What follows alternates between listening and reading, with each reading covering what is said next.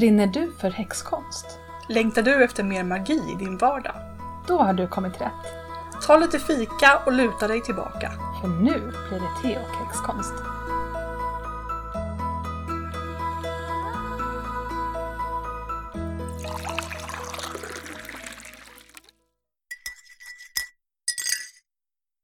Jag har varit och köpt julte idag. Åh, vad mysigt! Lukta? Åh, vad är det för något? Ja, det är Karls gröna julte. Ah, Det är den här med rosépeppar i. ja, smaskigt. Vad Nej. dricker du då? Jag dricker faktiskt det här eh, nya gröna teet, sån här Sencha Green. Eh, Ekologiskt. Mm. Eh, från något märke som heter Dilma. Det är någon sån här export, importfirma tror jag. Det är jättegott!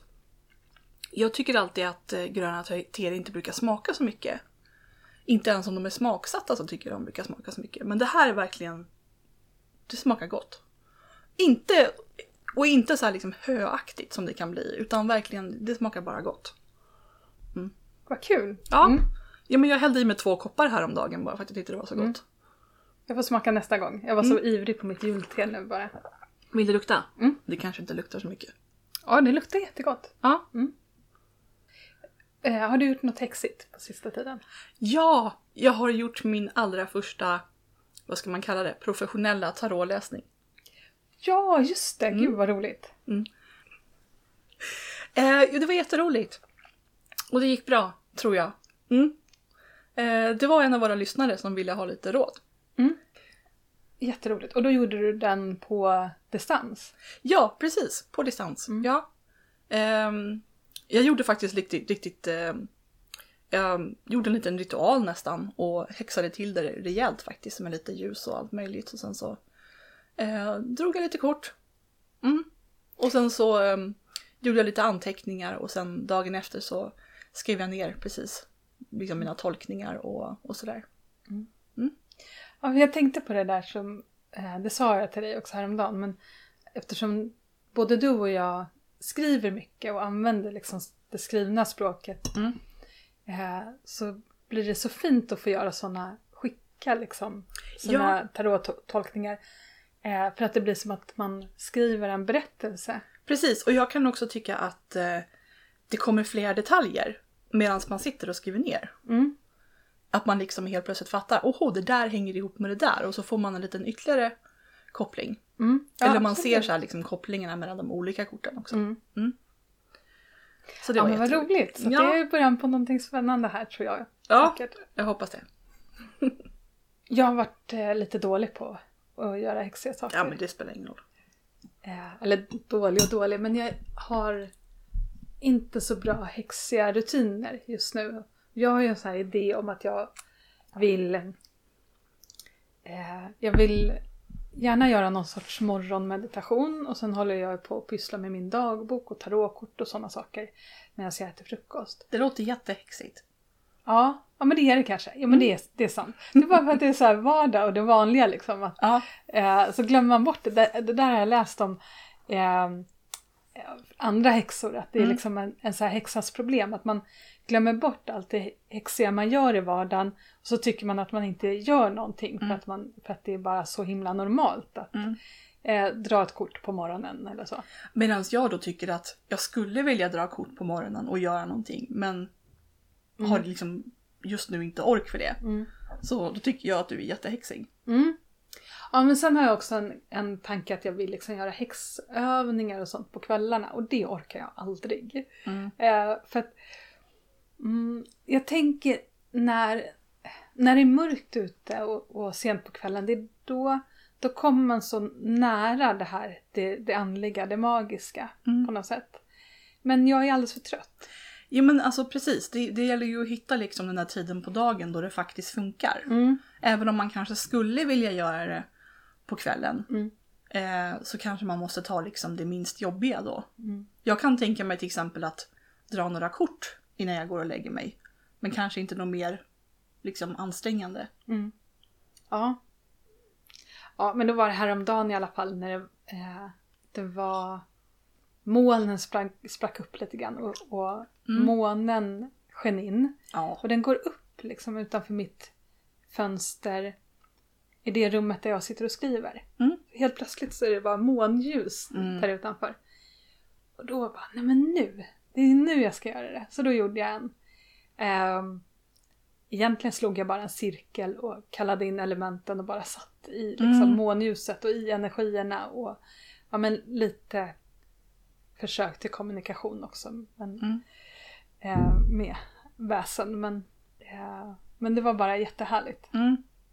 Jo men det var någon kväll, jag undrar om inte det var i måndags när jag, jag var på väg från min mamma till, till tunnelbanan. Och då var det så här verkligen strålande månsken. Helt underbart. Mm. Mm. Och jag hade ju som vanligt så här blivit lite så här, jag hade läst horoskopet på morgonen och bara VA? Är det fullmåne idag? Igen? Så jag skriver ju det i min dagbok. Ah. Varje dag så skriver jag om månen är ny i ovan, Mm. full i nedan eller mörk. Jag hade en månapp förut i min mobil. Då var jag mycket bättre på att hålla koll på det där. För den hade en widget. Men sen så försvann den och jag har inte lyckats hitta någon tillräckligt bra. Jag har visserligen en i min padda men det är liksom inte riktigt samma sak för jag använder inte, jag har inte paddan med mig liksom. Det är så här, svenska häxor måste ha liksom en månen i, Ja, i en widget problem i- kallas det. i mobilen. Nej, men jag menar mer att vi, vi, det är så himla molnigt jämt. Så Ja. man, i, andra länder så, när det inte är liksom moln eh, större delen av tiden så ser man ju hela tiden månen. Mm. Ja men speciellt så här på vinterhalvåret så är det ju verkligen så här då och då som den poppar fram. Mm. Mm. Jag kommer ihåg att du sa någon gång så här, ja, men när man ska synka sin mens efter månen, då ska man liksom gå ut, ska man titta på den varje dag och då kommer liksom eh, Ja det är vad jag har läst i alla fall. Man bara, ja, kul för de som kan göra det, men Mm. för oss är det liksom helt omöjligt. Eller om det är så här att man ska, man ska ha extremt mörkt i sovrummet alla dagar utom de tre dagarna som är fullmåne. Och då ska man typ så här låta persiennerna och rullgardinen vara öppen. Mm. Eh, vilket ju liksom funkar om, man, om det är klart väder. Mm. Om man inte har så här fyra jäkla gatulampor utanför fönstret som jag har. Okej, idag ska jag få prata om Loke. Ja, det ska bli roligt att höra. Mm, Loke är lite min husgud. Mm. Eh, och har varit ganska länge. Ehm, och ehm, det är väl, alltså lite hade jag nog intresserat mig för Loke eller varit lite nyfiken så innan. Men framförallt så var det ju så att jag drömde om honom för, kan det vara 10-12 år sedan någonting. Mm. Eh, och då finns det ju drömmar och drömmar. Så är det ju. Vissa drömmar är ju bara massa knasigheter och vissa drömmar känns väldigt tydliga. Så jag drömde om min pappa precis efter han hade dött. Eh, och det var också en sån här dröm som jag bara, ja, ehm, jag fick massa information liksom från andra sidan. Ja men du, du vet också, Mm, eller mm. hur? Vissa drömmar är speciella. Och i den här drömmen så stod jag eh, tillsammans med Loke i... Alltså det var lite som att vi stod liksom i himlen bland massa moln. Det var alldeles vitt liksom runt omkring. Och han hade långt, han hade rakt hår, blont hår, eh, lite nedanför axlarna. Och det är roligt för att jag har nog inte sett någon illustration av honom där han har blont hår. Eh, det har han ju inte i den här Marvels, det har han inte i den här eh, julkalendern som jag kollade på eh, jämt. Eh, Juli Valhall, en dansk julkalender. Ehm, och sådär. Och jag tror att i källorna står det nog egentligen att han har rött hår. Mm. Men, men han hade blont hår.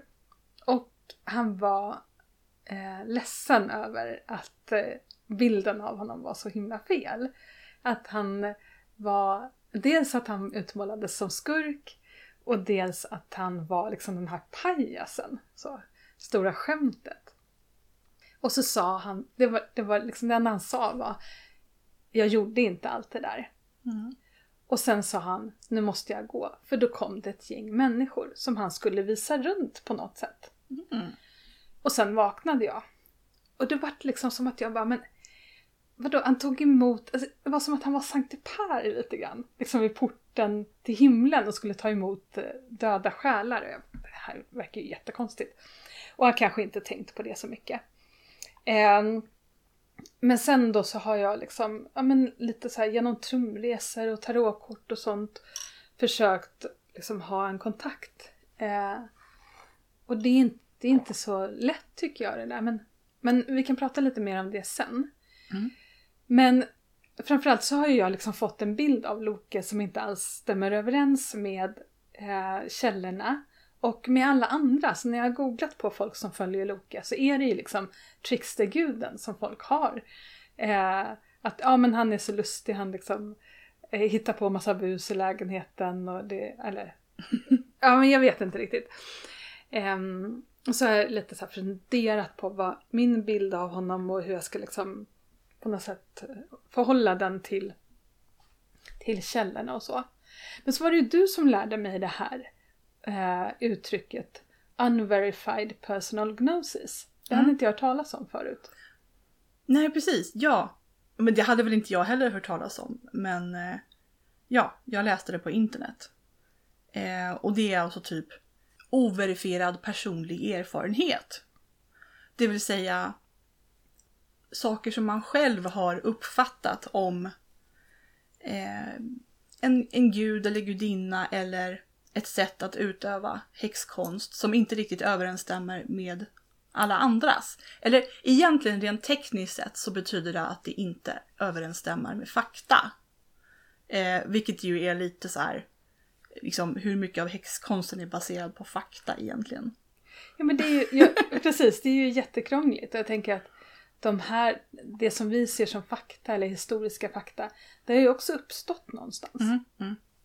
Precis, men precis som du säger då liksom att du uppfattar Loke liksom på ett annat sätt än vad som står i de källor som finns eller hur andra uppfattar honom. Och det brukar man då kalla för unverified personal gnosis eftersom det liksom just det inte finns. Det finns ingen liksom citattecken bevis för det. Men eh, alltså det är otroligt vanskligt att liksom prata om bevis egentligen när man håller på och pratar om, om gudar och häxkonst. Ja men verkligen. Mm. Och om man tänker de här texterna som finns om de fornnordiska gudarna så är ju de nedtecknade på Island och Norge va tror jag. Eh, mm. Möjligtvis lite i Danmark men det är ju inte, det är inte alla berättelser. Det är ju liksom en handfull berättelser på något sätt som mm. vi har bevarade idag. Mm. Eh, och, och det är inte liksom hur det här eh, utövande det gick till. finns ju inte heller egentligen nedtecknat och sådär. Mm, mm.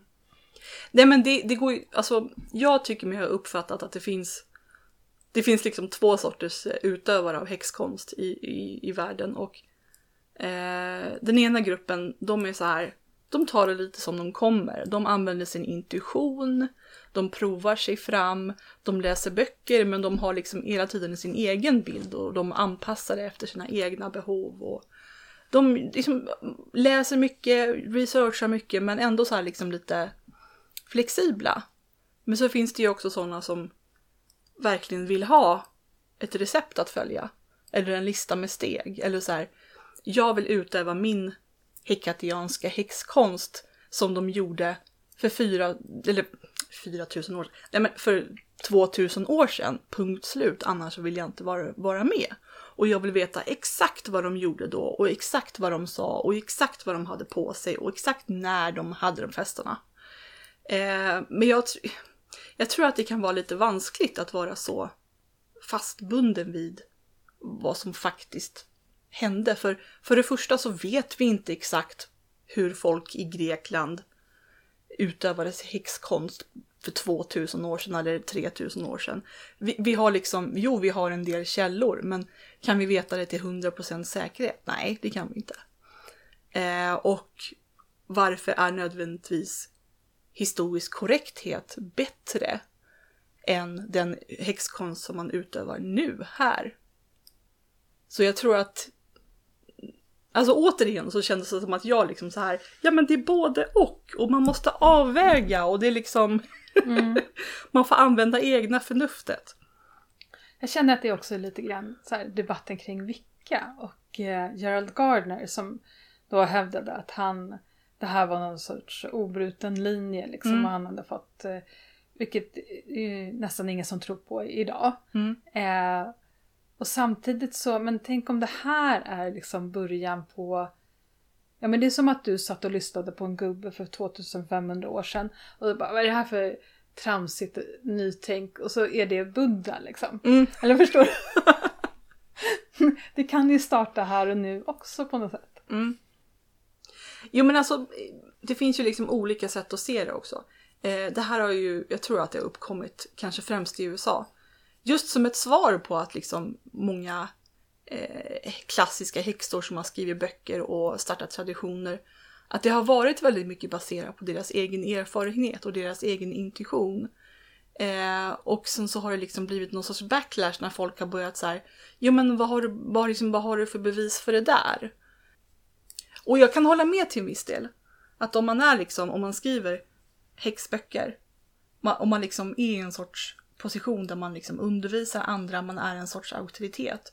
Då tycker jag att det kan vara bra så här att visa att det här, det här har jag liksom en, en källa på, det här är faktabaserat, men det här är, det här är min personliga erfarenhet. Speciellt om man så här påstår saker som går helt emot vad alla andra tycker. Men om jag skulle liksom bara, ja men Hekata har visat sig för mig i form av en svart katt, inte i form av en svart hund. Då skulle de allra flesta liksom ifrågasätta det. Men det betyder ju inte att min kunskap är fel. Däremot så kanske man ska vara medveten om att den går stick i stäv med vad allmänheten liksom tycker. Mm. Och då kanske det är bra att man pe- liksom pekar på det och säger okej, det här är min. Så här är det för mig. I- Så är det inte nödvändigtvis för dig. Mm. Så återigen, jag, jag hamnar på båda sidor av stängslet. Jag bara, ja, mycket är liksom overifierad personlig kunskap. Men andra saker kan det vara bra att ha fakta på också. Mm. Och båda är bra. Ja men jag håller nog med dig lite grann. Mm. Jag kan också tänka den här eh, Judica Illes som har skrivit den här eh, eh, The Element Encyclopedia of 5000 Spells. Mm. Alltså 5000 trollformler Mm. som hon har samlat från eh, världens alla hörn. Mm. Och ibland så står det så här, men det här är en trollformel från Italien. Men ofta så står det inte var hon har fått dem härifrån. Mm. Eh, och för mig som är lite så här också lite e- etnolognörd. Jag skulle verkligen vilja liksom veta var hon har hittat den någonstans. Så Mm. att jag kan liksom ta reda på mer om den traditionen och sådär. Mm. Eh, och då kanske det är så att det här har hon kanske hittat hos Gerald Gardner eller Mm. hos liksom Silver Raven Wolf eller någonting sånt där. Ehm, och det skulle man ju verkligen vilja veta skillnaden Mm. på något sätt. Mm. Ja, ja, men jag, jag tror att det är väl det är väl det här med att människor säger så här är det så himla lätt. Ja men precis, liksom. ja. Och För det alltså- stör mig nästan alltid i alla sammanhang. Ja. Jag menar liksom häxkonst är ju liksom... Det är ju baserat mycket på intuition. Och sina egna upplevelser. Ehm, så att egentligen så är det ju, alltså det är ingen som kan komma liksom och säga men du har helt fel. Det är liksom, det är bara du som är, häx, som är experten på din egen häxkonst. Om du liksom inte då vill bli en av de som följer reglerna enligt punkt och pricka. Men eh, vilket är helt okej det också om man vill det. Det är helt okej eh, men jag förstår inte varför man vill bli häxa då. Nej, det är kanske lite mera, för mig är det så här liksom, jag, jag vill bort från eh, det liksom institutionella eh, religionen Mm, och liksom mm. vara lite mera fri och intuitiv och Mm. improvisera och inte ha liksom tio regler att följa. Okej, men jag ska förklara då lite grann hur min, liksom, Lok, min bild av Loke lite har vuxit fram. För Mm. jag tänker då att de här eh, källorna som vi har ehm, det är ju helt uppenbart att, att det finns ett behov av att smutskasta honom. Mm. Eh, tycker jag när man läser det. Eh, det står liksom rent ut att det här är liksom den här värsta personen och, och svekfull och hit och dit. Men, men jag tänker att man kan liksom hitta detaljer som man på något sätt kan eh, hålla fast vid. Alltså små symboler lite här och var som mer då förklarar vad det här är för person. Tydligen är Loke liksom den, den mytologiska gestalt här i Norden som man har liksom forskat mest på. Och Mm. det är väl för att han är liksom lite krånglig. Det är den här dubbelnaturen, man vet inte riktigt var man ska sätta in honom någonstans i vårt liksom det här kristna svart och vit eh, sättet att Mm, tänka. Liksom, mm. Att det ska finnas antingen gott och ont. Och, och det är han ju inte. Liksom. Mm. Ehm, så jag har då försökt liksom plocka upp små detaljer och, och se vad, vad kan det här eh, hu- hur kan det här beskriva den här karaktären? Och eh, Loke är ju liksom, namnet är ju svenskt, Loki är Mm. fornnordiskt. Jag var Ja. så himla så här, ah, amerikaner, de ska bara lägga på i eh, Loki och Odin och så. Men så har jag insett att det är det korrekta fornnordiska faktiskt. Mm, det visste inte jag. Jo. eh, och det man tänker då är att eh, det finns olika liksom, teorier om vad hans namn kommer ifrån. Man vet inte egentligen. Men, men antingen att det kan vara logi, eh, låga eller blixt. Är ett. En an, ja. Då tänker jag på eh, latinska eh, suffixet luk som betyder ljus. Ja, Eller lux. precis. Eller Lux. hur? Mm. Och jag kommer dit sen. Mm. En, en annan är lucka, låsa upp. Eh, lock, eller lå, låsa eller låsa Mm. upp. Ehm, en annan förklaring är att det kommer från lok, en um, indoeuropeisk eller så protoindoeuropeisk eh, ordstam för att anklaga. Mhm. Och det kommer också... Mm, Intressant! Eller hur? Eh, och ytterligare en teori är Locke. Det heter han i Danmark, Locke. Och det finns eh, en typ av spindlar som egentligen inte är spindlar tror jag. Som kallas för lockespindlar. Eh, och att han är någon sorts spindelgud. Det är också en sån här tricksterfigur. Kan man tänka sig. Det är också lite intressant. Eh, jag har ju tittat på den här tv-serien Britannia. Som utspelar sig under liksom den förkristna tiden. Och där pratas det om en elak demonliknande varelse som heter Locka. Ja, ja intressant. Mm. Mm. Ehm, ett annat namn för Loke är Lodur. Det här är man inte helt säker på, men det är så att Lodur förekommer i en trio tillsammans med Oden och Höner. Mm. Och där Oden och Höner förekommer i andra berättelser så är det tillsammans med Loke. Man tror att det här är samma. Dessutom så finns det en, eh, en saga från Färöarna som heter Lockes saga. Och där i berättelsen heter han Lodur hela tiden. Mm. Men sagan heter Lockes saga. Eh, och den berättelsen, det här är ju en folksaga. Det, I den berättelsen så är det en, en bonde som förlorar ett schackspel tror jag mot en jätte. Och då eh, ber han till tre gudar, Oden, Höner och eh, Lodur. Att de ska hjälpa honom. För att han, eh, det han förlorar är sin son. Jätten ska äta upp hans son som, Mm. liksom, eh, som vinst då. Och eh, Oden och Höner försöker på olika sätt men lyckas bara liksom fördröja det här. Medan Loke lyckas då på olika sätt döda, eller på ett sätt Oskadliggöra. Ja, han dödar jätten helt Okej, enkelt. mm. Lyckas. Och här hjälper, han är hjälten liksom, i den här Mm. sagan. Dessutom så är han, eh, han förvandlar sig till en fisk. Och, eh, eh, och har med vattnet att göra. Och det står, de säger också att Loke, på andra ställen, att Loke är den som har kommit med nät, fiskenäten till människorna. Och Jaha. jag, kommer, jag har inte riktigt förstått förklaringen på det här. Mm. Men däremot så vet jag att han Jag har en jätteflummig teori. Mm. Ja, får jag höra? för, för här flummar vi bara. Det här är liksom unverified personal gnosis. Det- Nej men när du sa det där med att han gav människorna fiskenäten så började jag omedelbart så här koppla till eh, väktaränglarna som gav liksom olika kunskaper och gåvor till, till människorna. Mm. Bland annat liksom typ astrologi och ja, hur man utvinner metaller och sånt. Ja. Ja. Eh, han, han, det här med fisk är intressant för att efter Mm. Balders död så flyr han norrut och så bosätter han sig i ett hus med fyra dörrar så han ska kunna se åt alla håll. Eh, för att han är lite jagad. Och sen om dagarna så förvandlar han sig till, till en lax och leker i en fors i närheten. Eh, och laxen i keltisk mytologi är visdomens fisk. Om man lyckas fånga en lax som har ätit av visdomens hasselnötter, då kan man liksom få all kunskap så. Och fisk är ju väldigt gudinnekopplat också. Mm, Mm. är det? Ja, Mm. det är det. Intressant, ja. Ja, så den har liksom, Loder har med vattnet att göra på något sätt. Mm. Eh, den här Loder också, han är med i... Han är den som är med Oden och Höner när de skapar de första människorna.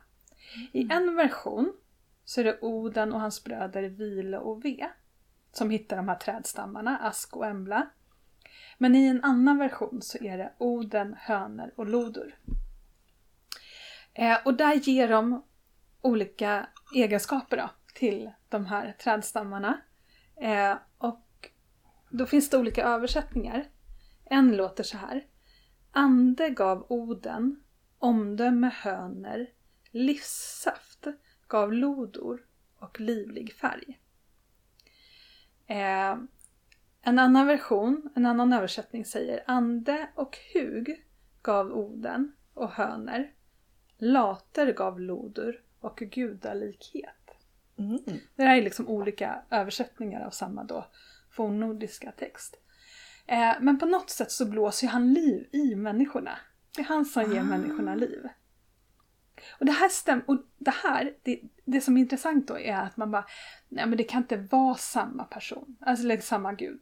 Det här kan inte vara Loke. Loke är ju trickstergud och han gör ju liksom bara hemska saker. Mm. Det kan inte vara han som ger människorna livskraft. För att man är så himla inkörd på liksom den här bilden av Loke. Jag tänker också på Prometheus som stal elden från gudarna och gav till människorna. Mm. Bra! Jag kommer dit. Jag, jag, blir, jag blir så glad av det här. För att du kommer till samma slutsatser som jag gör. Det betyder att jag ändå är någonting på spåret här. Mm. Så Och då kallas det för shared personal gnosis. bra.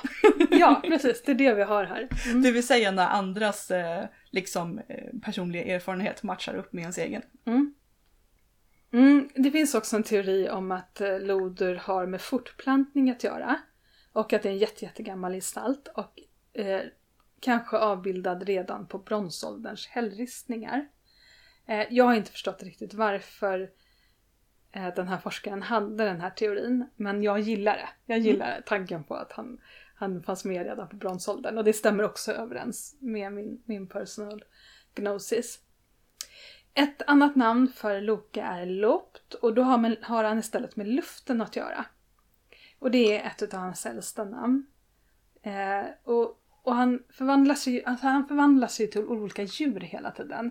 Mm. Eh, och laxen är en, men det är också att han förvandlar sig till insekter. Och att han gärna tar, han lånar Frejas eller Friggs falkhamn så han kan flyga mellan eh, gudarnas eh, värld och jättarnas värld framförallt. Så det är luften. Men så finns det också i Danmark då ett eh, ordspråk som säger att när, när det blir varmt, jag tror att det är så här, när det, när det är varmt och man tittar på långt håll och luften dallrar lite grann, Mhm. så säger man Idag dallrar det i luften, nu är Loke ute och sår sin havre. Oho. Mm. Och en annan är då att han nu driver Lo- Loke sina jätter i vall. Mm. Loke är ute och går liksom när luften dallrar. Då håller han Mm. på med saker. Mm. Så vi har hittat andra ord, ordspråk också. Det här är bara lite skoj. Eh, då Loke kunde lägga munkavle på Midgårdsormen så kan han väl göra det med dig. Om man är trött på någon. T- Tips. Mm. Eh, ett annat är Loke svettas då Midgårdsormen gäspar. Jag har ingen aning om vad den skulle kunna betyda. Nej, inte jag heller. Men den här tyckte jag var gullig. När Loke och Tor krigar, då gråter Freja. Mm. Ja, det som... Eh, det vanligaste är väl kanske att han förknippas med elden, tror jag. Och det har också varit min, min tanke hela tiden. Ehm, och i en berättelse så klipper han av Sivs hår. Eh, Siv är gift med Tor. Eh, och Tor blir jätte, jättearg. Och jag har hört teorier om att Sivs hår är säden. Det är liksom det gyllene håret. Mm, ja, ja. När säden blir gul då är det dags att skörda. Liksom. Eh, men då måste han sticka iväg och be, jag tror att det är, om det är dvärgarna eller svartalverna som ska göra eh, nytt hår åt henne, guldhår. Mm. Och då får han dem samtidigt att göra andra grejer. Så att han ger liksom gåvor till gudarna. Oden får ett spjut och guldringar, som, eller en guldring som varje natt droppar nio guldringar. Och Frej får ett skepp och en gyllene galt och Tor får sin hammare, Mjöl, Mjö- Mjölner. Mhm. Eh, så Intressant. Ja, det är intressant därför att det är det här är ju deras kraftområden. Det är ju Precis, deras, ja. det som de Mm. råder över. Och det är Loke som fixar det. Mm. Han ger gudarna deras med. Med är någonting i berättelsen om In- Inanna. När hon ska gå ner i underjorden så måste hon lämna ifrån sig sina med. Okej. Det är liksom de här Ja, ja. De magiska kraftområdena. Ehm, och det här det är också intressant för att Loke är far till Midgårdsormen, till Hel och till Fenrisulven. Mhm. Eh, och det är ju på något sätt en anledning till att han är liksom den värsta värsta. Men de fyller ju en funktion allihopa. Ja, alltså precis. Midgårdsormen är ju helt nödvändig. Det är den som håller ihop hela världen. Mm. Eh, jag förstår inte varför gudarna envisas, eller Tor, ska hålla på att döda Midgårdsormen. Då kommer ju allt vatten rinna över kanten ja. Är det inte så? Mm. Så har jag uppfattat det i alla fall. Heli är den som tar emot de döda. Eh, Fenrisulven har ju jag en teori om att det är vintern egentligen. Mm. En symbol för vintern. Sen är han ju också mor till Sleipner. Därför att han förvandlade sig till ett sto. Mm. Eh, och distraherade en hingst. Mm. Mm. Eh, och så födde han Sleipner. Sleipner är ju superbra. Mm. Mm. Så att han, han, ja, det här som man då anklagar honom för är liksom inte riktigt eh, egentligen så dåliga saker. Det här med källor också, det alltså källor kan ändras och kunskap kan ändras. Jag menar om vi ser på Hekate till exempel på eh, 1800-talet, eh, alltså ända tillbaka till eh, eh, Shakespeare så var ju hon den här mörka, läskiga gudinnan. Liksom de, häxorna i eh, Macbeth, de, de kallar på Hekate för de ska kasta förbannelser och hålla på och liksom sådär. Eh, och på 1800-talet så var ju hon en väldigt mörk figur. Hon var liksom trolldomens eh, gudinna och natten och hon var liksom en frästerska som skulle liksom locka dig i fördärvet och sådär. Eh, och det var ju liksom mycket en kulturell bild. Eftersom man inte visste så mycket liksom om den grekiska världen just då så hade det blivit någon sorts kulturell bild. Men, vilket ju precis liksom har ändrats helt nu. När man liksom vet att men hon var inte bara liksom mörkrets gudinna och, eller liksom eh, trolldomens gudinna. Hon var andra saker också. Det liksom, eh, fakta inom situationstecken kan ju också ändras över tiden. Eh, så jag tänker liksom att eh, en viss bild av Loke kan ju vara liksom en, en, ett resultat av den tid där, den, där liksom den teorin bildades också. Där, där de skrevs ner, absolut. För det, de här texterna är ju är nedskrivna när kristendomen redan har fått fäste. Mm. Eh, så det är klart att bilden av, liksom, eh, av honom då har påverkat, påverkats av det. Mm. Precis, och det är liksom, och det, precis som du sa så, jag menar liksom kristendomens liksom sätt att se saker som antingen goda eller onda, den, den har liksom påverkat det som kom innan. Att liksom saker som kanske var lite mer neutrala liksom ses som onda för att de inte är goda. Liksom. Det, det blir ju liksom när, när kristendomen ser på hedendomen så blir det liksom väldigt svart och vitt. Ja men verkligen. Medan liksom naturen är inte svart och vit, det är både och. Mm. Mm. Det som händer i slutet av den här berättelsen är att eh, dvärgarna som har gjort de här sakerna, de syr ihop, eh, eh, syr ihop Lokas mun. Eh, för att han har förlorat ett vad. Jag ska inte dra hela den här berättelsen. Men det här är liksom en av hans symboler då, att munnen är igensydd. Och då har man hittat en ärsesten. Eh, jag kan ingenting om smedjor men eh, jag tror att det är så här att det är en sten som har ett hål i sig så att man ska kunna sticka in den här grejen som man pumpar och blåser in luft i Ah, Okej, elden. ja ja. Mm. Mm. Jag vet vad du menar. Mm. Och eh, den föreställer en man med igensydd mun. Aha. Och då tror man att det är Loke. Den är från 1000-talet. Ehm, så att, då är det liksom arkeologiskt belägg för att han har med elden att göra då på något Men sätt. vad intressant, för när du sa eld så tänkte jag på en gång smideskonst. Ja, ja men eller hur? Mm. Eh, precis, och smederna, det har man ju, tänker man ju sig att de var, eh, alltså långt tillbaka, typ bronsåldern, att de faktiskt var lite, eh, lite magiker. Liksom. De Ja, lyckades ja. förvandla någonting till någonting annat. Mm, mm. Så de sågs lite magiska. En annan sak som har med elden att göra det är att man någonstans i Sverige så, som man, barnen har tagit sina mjölktänder när de har tappat dem och slängt dem eh, in i elden och sagt Locke, Locke, ge mig en bentand. Här får du en guldtand. Mm. Alltså bentand antar jag att det är liksom att man ska få en, en riktig tand som, Ja. som växer ut och så. Ja, Mm. alltså herregud vilken, vilken mysig liten tradition. Eller hur? Alltså gud, om jag, om jag skulle ha barn så skulle jag definitivt lära dem det. Inte för att man har eldare inomhus nu för tiden, men vad fan. Ja, man har en öppen spis kanske. Ja, Mm. gud vad mysigt. Det är ju nästan lite som eh, The Tooth Fairy i USA. Ja men eller hur? Ja, inte riktigt verkligen- samma, men ändå så här liksom att man liksom Ja. man off- offrar sina mjölktänder nästan. Jag tänker också att det borde vara tvärtom. Locke, Locke, ge mig en guldtand, här får du en bentand. Ja. Då får, ska man få något... något eh, ja, en present. Ja, bara. mm. eh, jag hoppas att det inte är jag som har skrivit ner den här fel, åt fel håll nu. Men, ehm, jag tror att den var så här. Man får googla. Okej. Loke hade föräldrar också. Det står det någonstans. Hans mor heter Laufey. Och det har man tolkat som eh, Lövön. Mm. Eh, Laufey och Nal. Hon har två namn. Nal har man tolkat som nål. Eh, Lövön, jag tycker Laufey det är lite intressant därför att eh, jag tänker på sådana här lövgärskor. Mm. Alltså att det var en, ett namn för trollkunniga helare Aha. en gång i tiden. Eh, Lövgärskor. Ehm, men sen så finns det en, en man som heter Jan Ekerman som har skrivit om... Eh, han har skrivit två böcker om Loke. Och den ena är lördags, Lögardagsgåtan, jag kommer till den om en stund.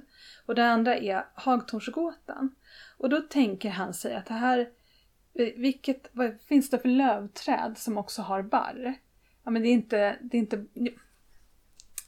Man har tänkt sig att det här är nal, det betyder att det är ett barrträd. Men då är han, hon liksom både lövön och barrträd. Mm. Och han ser hagtornet i det här. Ja. För det är liksom taggar Ja. och löv. Och hagtornet är ju ett heligt träd, det vet vi. Liksom. Mm. Halva hans bok går ut på att förklara hur det här är heligt på, i England. Men för oss är det helt självklart. Liksom. Hagtornsträdet är ett heligt träd. Ehm, Alltså om du skulle säga så här, vilket träd representerar Loke? Jag skulle nog säga hagtorn. ja, vad intressant. Ja. Gud vad intressant. Jag vet inte riktigt varför. Men... Nej.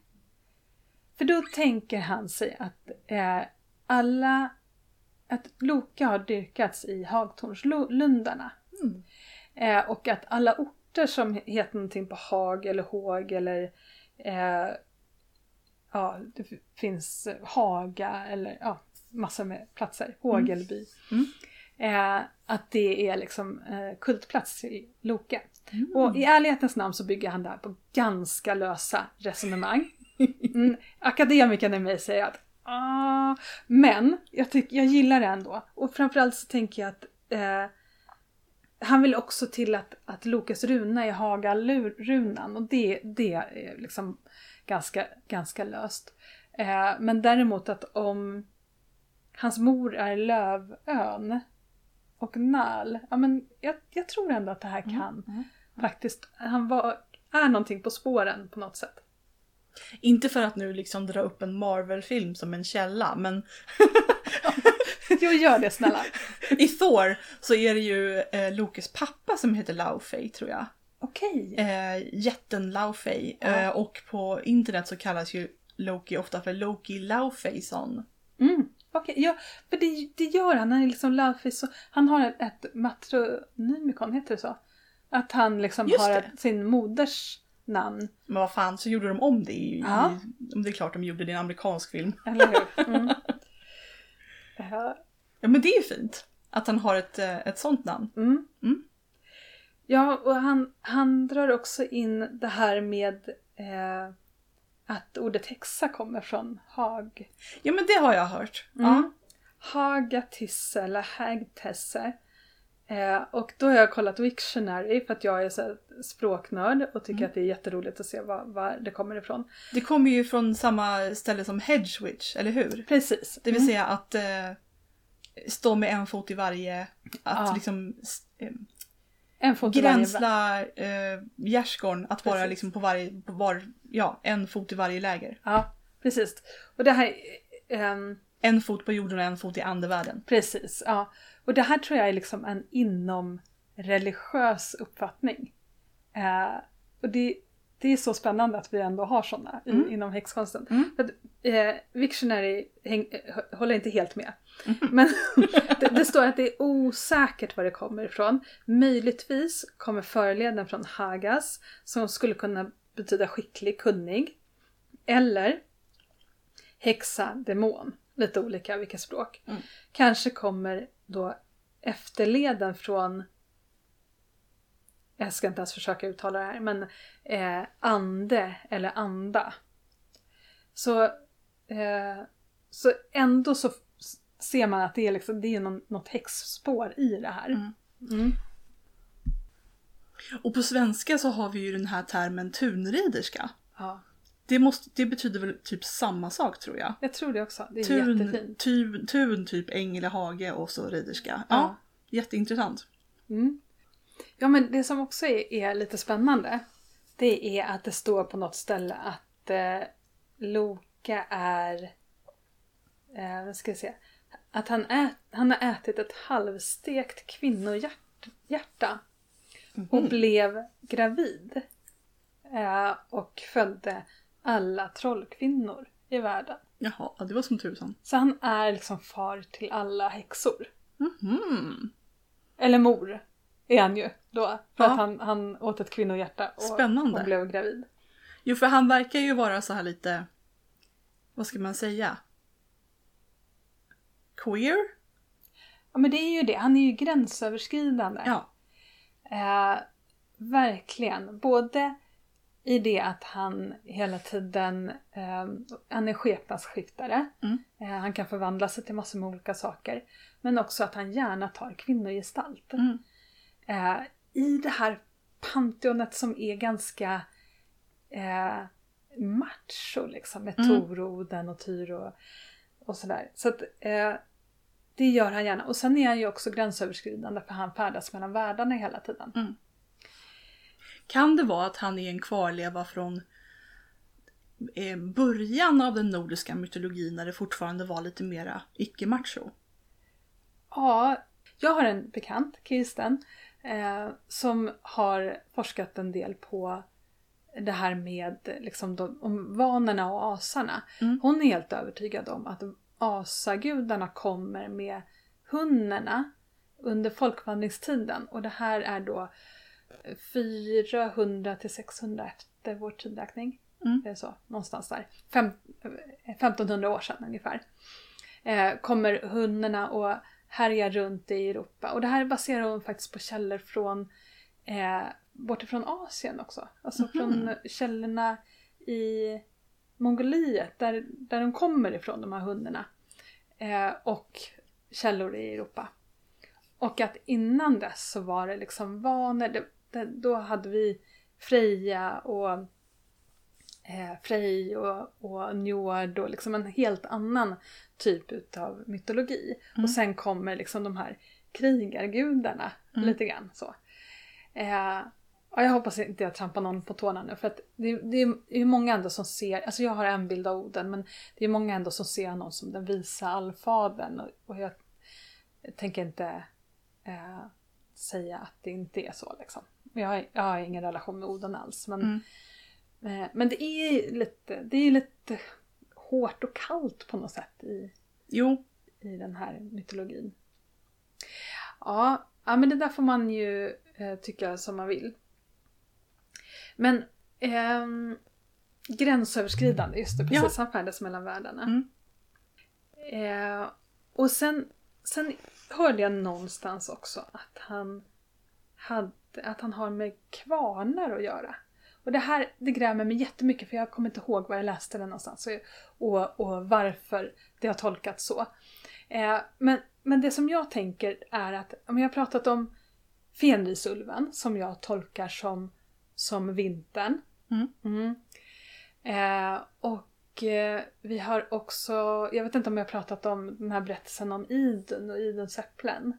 jo, Det har jag nog gjort kanske. Att det tror jag. äpplena blir bortrövade eller de försvinner på hösten. Eh, och sen kommer de tillbaka om våren i form av ett frö. Eller en nöt. Mm. Eh, och ehm, vad har vi mer? Vi har Balders död också som eh, Loke är med i, i alla fall i Snorres Edda.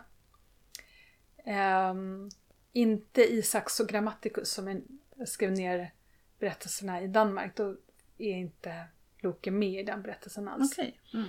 Eh, men, men den tror jag också är en liksom årstidsgrej. Eh, grej. att Balder är en solguden som dör på hösten. Och sen Ja, ja. måste han... Den stämmer ju liksom överens med de här, alltså Inannas nedstigning. När, när, och Ishtar och Astarte, när allting Mm. dör för att gudinnan är borta. Mm. Eh, och, och så måste alla gråta. Mm. Eh, och, eh, och så är det ju den här också. Alla ska gråta över Balder, då får han komma tillbaka. Men så Mm. gör inte alla det. Jo men och precis också de mera engelska myterna om gudinnans eh, son som liksom representerar eh, säden på fältet som måste dödas och skär, skör, skördas och sen så blir han återfödd Just det, nästa, precis. nästa år. Mm. Precis, ja. Eh, så att, eh, då tänker jag det här med alltså kvarnar och kvarnhjul. Alltså, det är Loke som får årshjulet att snurra. Mm. Mm. Ja, ja.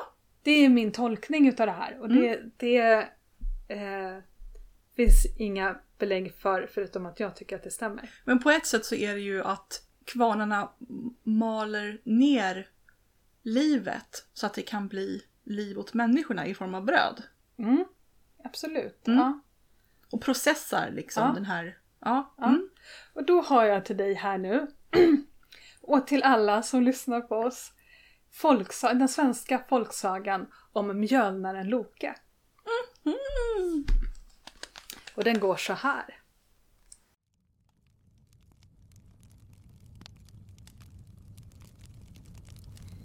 En kung red en gång genom sitt land för att bese det. Han red med sitt följe genom en by där det låg ett mycket vackert hus med en blommande trädgård. Vem bor här? frågade kungen. Jo, där bor domaren, svarade någon. Den domaren bor tre gånger bättre än sin monark, sa kungen. Jag har lust att ställa tre frågor till honom. Kungen sände en lakej till domaren med befallning att infinna sig på slottet för att besvara tre frågor. Kunde han inte besvara dem skulle han bli hängd. Den stackars domaren blev mycket bekymrad över det öde som väntade honom och grubblade över vad de tre frågorna kunde innehålla. I byn fanns en kvarn som ägdes av mjölnaren Loke. Loke var en glad man som såg livet ljust och var därtill god och skämtsam. Domaren berättade för mjölnaren om sina bekymmer. Loke hörde på med glad uppsyn. Han skrattade och bad att få gå i domarens ställe. Kungen kände ju inte någon utav dem. Domaren tackade Loke och gick glad hem. På utsatt dag och tid infann sig Loke på slottet och anmälde att han var ditkommen för att besvara de tre frågor som kungen behagade ställa till honom. Loke blev införd i salen där kungen satt och rökte pipa, omgiven av hovfolk. Om du är redo att besvara de tre frågorna så besinna dig noga med svaren, sa kungen. Och nu får du den första. Kan du säga mig hur många stjärnor det finns? 27 000, svarade Loke. Lymmel, sa kungen och hovet började mumla. Ja, Ers Majestät kan ju själv räkna dem. Bra, bra, sa kungen. Kan du nu säga mig hur mycket månen väger? Ett skålpund, svarade Loke. Lymmel, sa kungen och åter började hovet mumla. Ja, eftersom månen har fyra fjärdingar, sa Loke. Bra, bra, sa kungen. Kan du nu säga mig vad jag tänker? Ja, Ers Majestät tänker att jag är domaren, men jag är bara mjölnaren Loke från samma by. Bra, bra, sa kungen. Och så knackade han askan ur pipan och klappade Loke på axeln. Loke for hem till sin kvarn igen och malde. Då han blev gammal och kände att slutet var nära bad han sin hushållerska att baka en mängd våfflor och lägga dem i en påse i hans kista då han var död. Och när mjölnaren Loke dog tog han sin påse med våfflor och vandrade till paradiset, bankade på porten och bad om att bli insläppt. Nej, svarade Sankte Per. Du slipper inte in här och stängde porten. Mjölnaren fortsatte att bulta på porten och den ena efter den andra svarade honom att nej, han fick inte komma in. Men mjölnaren fortsatte ändå att bulta på.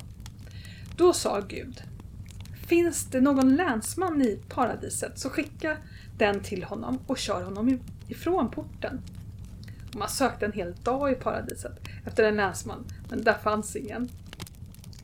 Mjölnaren Loke fortsatte att bulta på porten. Till slut blev Gud otålig och sa skicka, skicka till honom de heliga menlösa barnen. Och så skedde. Och då barnen kom gläntade de på porten och tittade ut och sa Ni slipper inte in, ni slipper inte in. Då sa Loke Nej men se, är det ni, mina små? Det är just för er skull jag har kommit hit med våfflor. Och barnen öppnade porten och mjölnaren Loke gick in, delade ut våfflor till höger och vänster åt barnen och på så sätt krånglade mjölnaren Loke sig in i paradiset.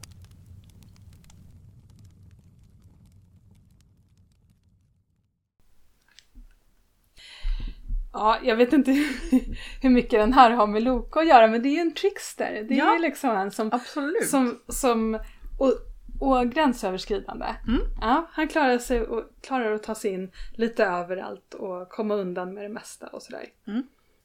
Ja, och jag tycker att det är roligt med liksom en, en, en folksaga som är Mm. nedtecknad på 1800-talet någon gång som, som Mhm. handlar om mjölnaren Loke. Vad kul. Och så just att det har med kvarnar att göra. Ja. Mm. Ja. Långsökt kanske, det är helt okej om man tycker det. Jag tycker att det, det är någonting. Mm. Ehm, Jag tänker ju på, alltså när jag tänker kvarn så tänker jag också på eh, Livets jul och även i tarotkortet så liksom julet. Just Ja. det, Mm. precis. Inte bara årshjulet utan jul överhuvudtaget. Det har du ju rätt i. Och i medeltida konsten så var ju det liksom en... Det här livets jul var ju verkligen en, en grej som man målade i kyrkorna och sådär. Mm. Eh, Ja, så att det, han är liksom lite så här, lite klurig liksom. Han eh, klär ut sig till kvinna, han föder barn. Är han en jätte eller asagud? Mm. Man vet inte riktigt. Eh, det sägs också någonstans att han bodde under jorden i åtta vintrar där han var en kvinna, mjölkade kor och födde barn. Det är någonting som Oden säger till honom. Mm. Och så förvandlar han sig till massor med djur. Mm. Sen har vi det här med lördag då. Eh, och då Det här är det nog min favoritgrej. lördagen. Ja. Ja, vad kul. Ja, för det, det, det är då den här Jan Eker, Ekerman. Men, men han var egentligen inte först utan det liksom har funnits teorier om det här tidigare. Bland annat Jakob Grimm.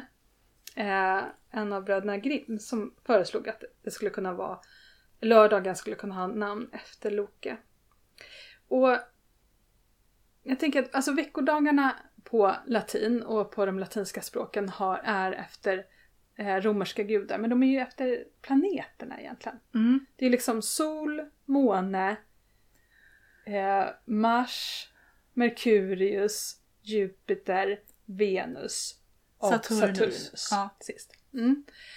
Eh, och sen då redan på 300-talet så döper man om solens dag, Dies Solis, till Dies Domenica. Alltså Domenica är väl Gud. Jag tror Her, det. herrans dag. Mm.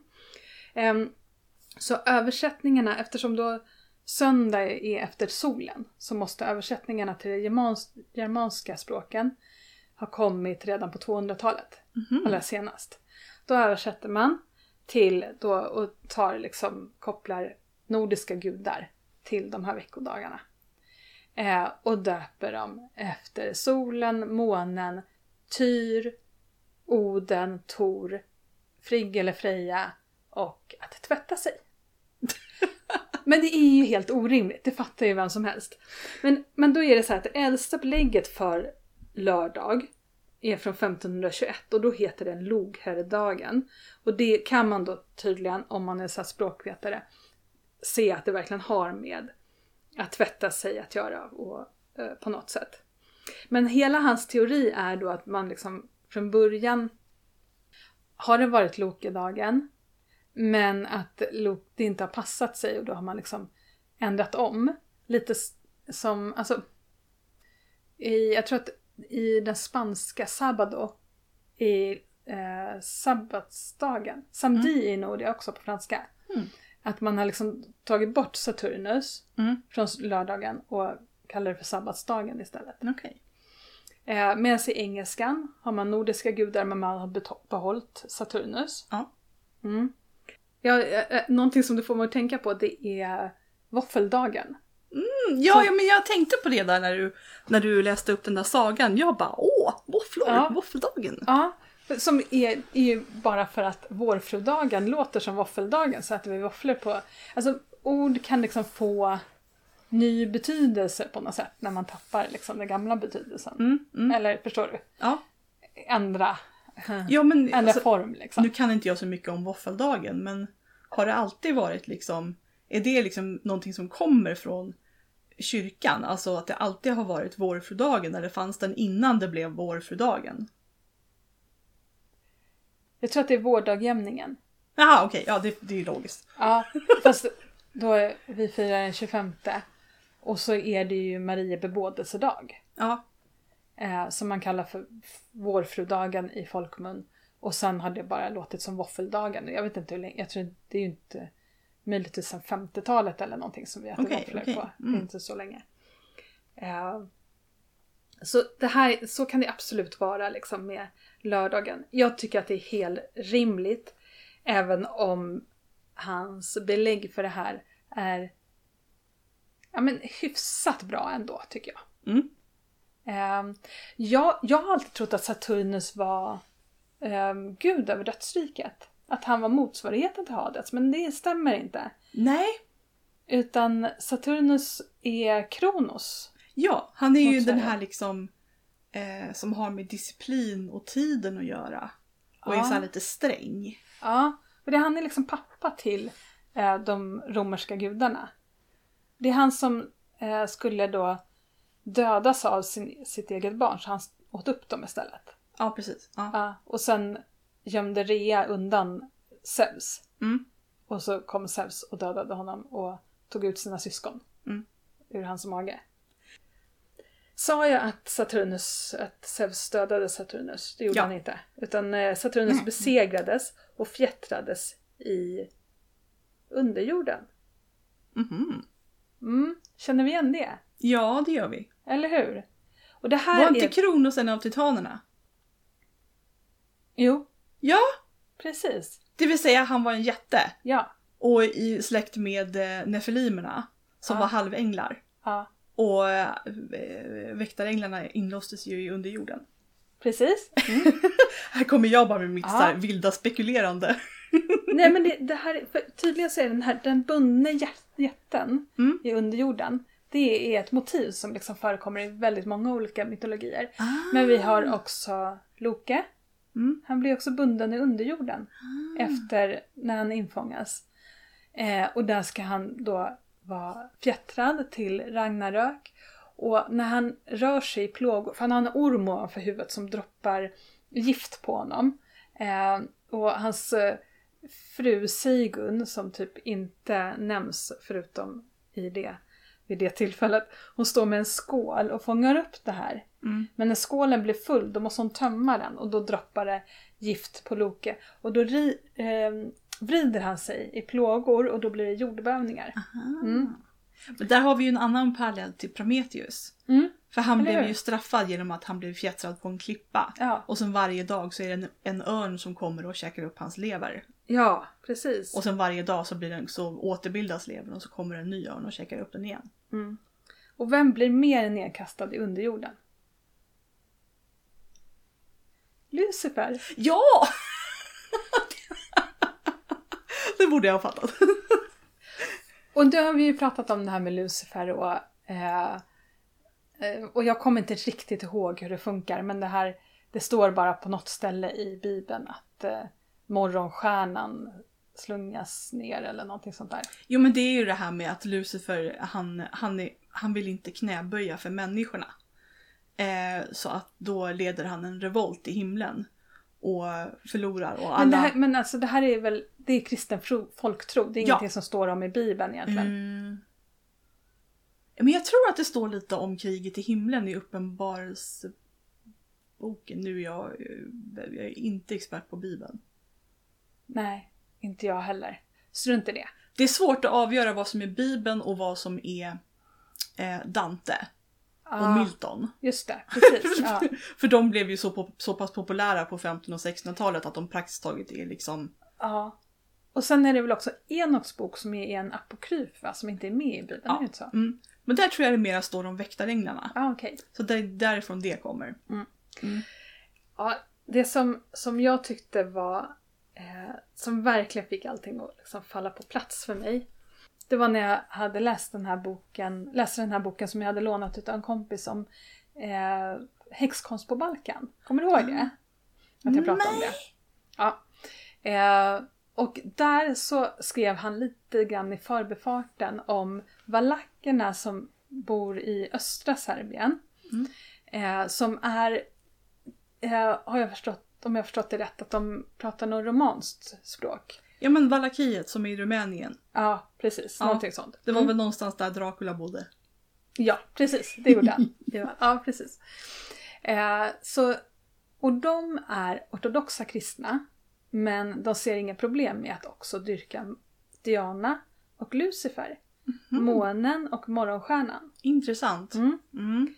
Eh, precis som i den här The Gospel of Aradia. Mm. Eh, som nedtecknades på 1800-talet av en engelsman. Som är liksom en bok om italiensk häxkonst. Mm. Eh, och den här har ju liksom ifrågasatts eh, för och det här skulle vi verkligen kunna göra ett avsnitt om också. Det här, den här teorin om en kvarvarande häxkult Mm. i Europa som var liksom blev stor på 1800-talet tror jag. Man blev liksom intresserad av det och sen har man liksom bara motbevisat ganska mycket utav det här. Och då blir det idag som att man är tveksam till allt. Mm. Liksom. Ehm, men i den här samlingen texter då är Lucifer och Diana, de får ett barn tillsammans som heter Aradia. Och det är hon som lär mm, kvinnorna häxkonst. Mm. Mm. Eh, så Lucifer och Diana. Och i den här då boken om eh, valakerna, eller han skrev om valakerna, så skriver han att i, i den, eh, deras tro så är Lucifer en psykopomp. Oh, ja, okej. Han är alltså den som vägleder människorna till dödsriket. Mm. Som tar emot eh, döda själar och hjälper dem över till andra sidan. Mm. Som i min dröm. Mm. Eh, och det var då som jag... men det finns ju liksom inget belägg egentligen för att Lus, Lucifer och Loke, att namnen är besläktade. Mm. Jag tror det här med att Loke skulle ha, ha liksom med ljus att göra är liksom, har man avfärdat lite grann. Men då tänkte jag, visst var det så att du läste latin på gymnasiet också? Nej, nej. Jag bara fått Två veckor på universitetet. Ah, okej, okej. Ja, men då, jag läste latin på gymnasiet och jag kommer ju inte ihåg så, så mycket. Men det jag kommer ihåg det är att Eh, Lucifer, det uttalet är ju medeltidslatin. På romersk klassisk latin så uttalas U alltid som O och C alltid som K. Mm. Så Lucifer skulle då ha uttalats Lucifer. Mm. Intressant. Jo men alltså för just ehm, eh, nästan alla namn som vi har som börjar på LU, K eller LUC, alltså Lucia, Lukas, Mm, kommer ju från latinet för ljus. mm, precis. Lux. Mm, det gör det ju. Mm. Eh, Lucia hette Lucia. Mm. Eh, men det är ju väldigt nära Loke och Mm. om man då, som jag förstår att Loke är liksom ett av hans yngre namn. Mm. Lodor är ett äldre namn. Eh, och Lopt. Och om man tänker sig att det, det förekommer, jag säger nu inte att Lucifer, morgonstjärnan och Loke är samma. Men eh, kanske någon gång väldigt, väldigt långt tillbaka. Eh, men det jag tänker mig framförallt det är att man har liksom myter och berättelser och gudahistorier och liksom kultur som sprids över Europa. Så man har ju kontakt med varandra och Mm. saker och ting ehm, eh, sprids ju verkligen. Och det här är intressant för alltså om man snackar rent Bibeln så är Lucifer, det vill säga djävulen och morgonstjärnan inte samma sak. För den Lucifer som de pratar om i Bibeln, det vill säga Åh, du strålande morgonstjärna, eh, det är alltså bara en, en titel som är kopplad till Venus. Och den personen är inte samma sak som djävulen. Djävulen däremot kallas ofta för han som anklagar en. Ja, precis. Ja! Och det är alltså helt separat från det här namnet Lucifer. Mm. Men det är intressant att det går liksom... Precis, och då är det någon som har då tolkat Lokes namn som anklagare. Mm. Eller blixt, låga. Mm. Eh, men, men jag tänker att han har liksom kanske fått ta över då en del av Lucifers eh, Mm. egenskaper. Eh, Lucifer. Vet du vad jag tänker nu? Nu är det ju det, blir som, det känns ganska uppenbart för mig nu att det inte är Lucifer och Diana som är liksom föräldrar till, till Aradia. Utan det är ju Loki och Diana. Ja, eller och det är hur? ju han som är the God of the Witches. Ja, Ja, det är han ju verkligen. för hon skrev väl ändå den boken, The God of the Witches också. ja. Ja. Och det är ju liksom, då tänker jag att eh, hon som skrev, um, nu kanske jag blandar ihop dem. Margaret Murray. Ja, Ja, skrev inte det. hon The God of the Jo, Witches? precis. Ja, har, ja, precis. och då, det känns liksom helt kristallklart för mig liksom nu att men det är ju Loke då som är Ja, eh, häxornas gud, inte Lucifer. verkligen. Eh, och, och jag blev så glad också när jag hörde, när, när jag läste det här om att Luc- Lucifer är en psykopomp. Det har jag aldrig hört förut. Mm. Men just att han är den här som, som typ Valkyrierna eller Hekat är ju också en psykopomp. Eh, som hjälper döda själar över. För så var det i min dröm och jag förstod inte vad det där betydde. Jag tyckte det var så konstigt. Det där är, Först liksom efter tio år när jag läser den här texten och bara Det var Ja. ju det som Mm. hände i min dröm. det här är lite roligt faktiskt för rent kristendomsmässigt så är det liksom helt fel. För i kristendomen så är det Mikael som hjälper stjärnorna till dödsriket. Eller till himlen. Mm. Inte Lucifer. Nej, precis. Men ändå, det, det, jag tycker det här är skitintressant. Vad kul! Jag är mm, ty- nästan lite frälst. du tycker att det är lite log- att det är logiskt? Absolut, att jag ett tycker det är jätte, ja, absolut, det är jättelogiskt. Ja, eh, men det svåra då med att... Ja, för det, det som jag har fått till mig då, eh, att Loke vill hjälpa till med, att han, det han är här för. För jag märker att han börjar kalla, precis som Hekate, kallar fler och fler, liksom. Mm. folk känner sig kallade. Eh, det är att han vill liksom... Eh, han vill spränga gränser. Mm. Eh, och också begränsningar liksom. Mm. Att, eh, och då handlar det kanske inte så mycket om att bara... Ja, jag- Ja men vi, vi är ju väldigt liksom insnöade och begränsade Mm. och Mm. han vill Mm. liksom eh, spränga normer och, Mm. och Ifrågasätta så här uppfattningar om vad man ska göra i samhället och, Och liksom, ja men alla såna här oskrivna regler och jantelagen och sånt där. Ja, ja. Precis, ja men och, och att... Eh, mm, ja men så där kan man ju inte göra. Ja men lite som du och jag som har sytt... Eh, sitter och syr kläder som är... Dina kläder är från tidigt 1800-tal, Regency. Och min ser ut som något så här sent 1800-tal, tidigt 1900-tal. Och jag bara, jag kan inte gå ut i den här kjolen. Jo, den är skön att ha hemma. Men vad är det för himla konstig grej liksom? Om jag känner mig fin i den så är det Mm. klart att jag ska gå ut i den. Alltså sådana saker. Mm. Att eh, de här samhällsnormerna och konstigheterna som bara gör oss liksom instängda och låsta och Mm. så. Nej men också liksom, liksom det som man lägger på sig själv. Att man liksom bara, men så där kan jag inte göra. Eh, liksom, enligt vem? Precis. Egentligen så är det bara du själv som har satt upp den regeln. Och också liksom på ett högre andligare plan att bara låta vår liksom eh, vårt djup få komma fram, vårt liksom högre andliga medvetande och vårt inre ljus. Mm, Mm, lite absolut, grann. Liksom. absolut, ja. Det. Men precis, ta Mm. bort eh, allt som, som hindrar oss från att liksom sprida vårt inre ljus. Mm. Eh, på något sätt. Och det finns faktiskt en koppling mellan Lucifer och Hekate. Mm. Mm.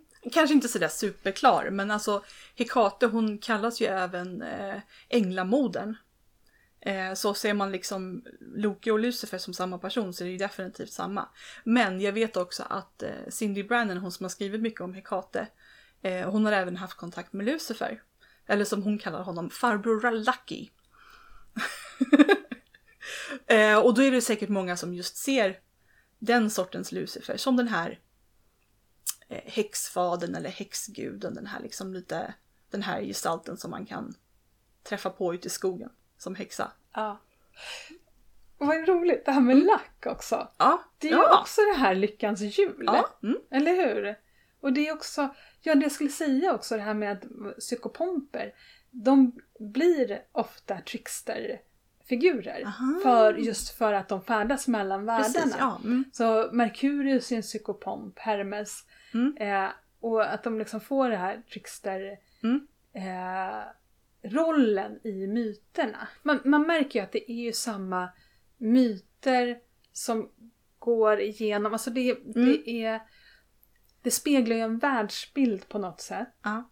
Eh, och sen sätter man in an, olika namn på det här. Precis. Ja men det är ju som att man ser liksom att här finns en liten fragment av bilden och här finns en annan. Och man, ja, precis. Mm. Ja. Mm. Och jag vet inte om det är den så här typiska mänskliga liksom hjärnan som har en tendens att se mönster där det inte finns några mönster. Vem vet? Men jag tycker det Det här är... låter bara som bortförklaringar tycker jag. Ja men det är så här, liksom, varför ser människor mönster i molnen eller så här, mönster i en brödlimpa? Liksom, varför ser man Jesus i en brödlimpa? Ja, för att hjärnan liksom är bra på att känna igen mönster. Men Ja. det betyder inte att Jesus bor i limpan. Men, Nej okej. Det kanske han inte gör. Men, men var, liksom, var går gränsen mellan liksom, mönsterseende och intuition? mm. Det är det som är så spännande. Liksom, det är ingen som kan säga liksom, att men det där är inte eh, intuition och det där är liksom inte eh, bara din hjärna eller något sånt där. Mm. Ja men det svåra har ju då varit att veta hur jag ska hur jag ska göra då för, för att följa Loke. Mm. Eh, för att eh, det finns ju inte så mycket, inte som med Hekate, där kan man ju verkligen hitta liksom, om hon gillar svarta hundar. Mm. Eh, Och det finns ju liksom folk som verkligen har gjort historisk research. Ja, Mm. ja men verkligen.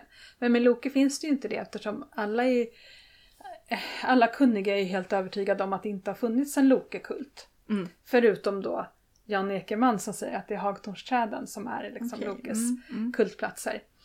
Eh, men så, så det, det där är lite svårt och det har varit lite så här. Jaha, nu då? Och det har jag hört någon annan också säga. Ja, nu, är jag, nu blev jag kallad, det var väldigt ty- tydligt. Men vad händer nu då? Eh, så att det har verkligen fått vara lite så här improviserat. Järnört till exempel, järnörtsrökelse. Mm. Ja, mm, det, mm. det var liksom någonting som jag fick till mig någonstans. Eh, och... Eh, Nu ser jag framför mig hur du buntar ihop haggtornstaggar. Jag Ja. vet inte varför men... Ja. Ja, Jag får väl börja göra det då. Eller jag vet inte, jag bara, det där var bara ett infall, ett rent infall. Ja, men jag, jag har inte tänkt på det här med hagtornet så himla mycket faktiskt. Eh, nog för att jag läste den här boken för ganska länge sedan medan jag pluggade arkeologi och bara pff, vad är det här för spekulationer? så jag har liksom avfärdat det och nu idag, jag vet inte om det är väldigt länge sedan jag befann mig i den akademiska världen men jag tycker inte att det är så eh, så tramsigt längre. Mm. Jag får ha en lax på mitt altare. Ja! ja men varför inte? Eller Ja. någon sån liten fisksymbol eller... Ja. Mm. ja. Eh, Ehm, Fiskfjäll! Mm, Silverglittrande fiskfjäll. absolut. Det här var allt för den här gången kära häxor. Till nästa gång. Bli vän med Loke så kanske du får en gris i present.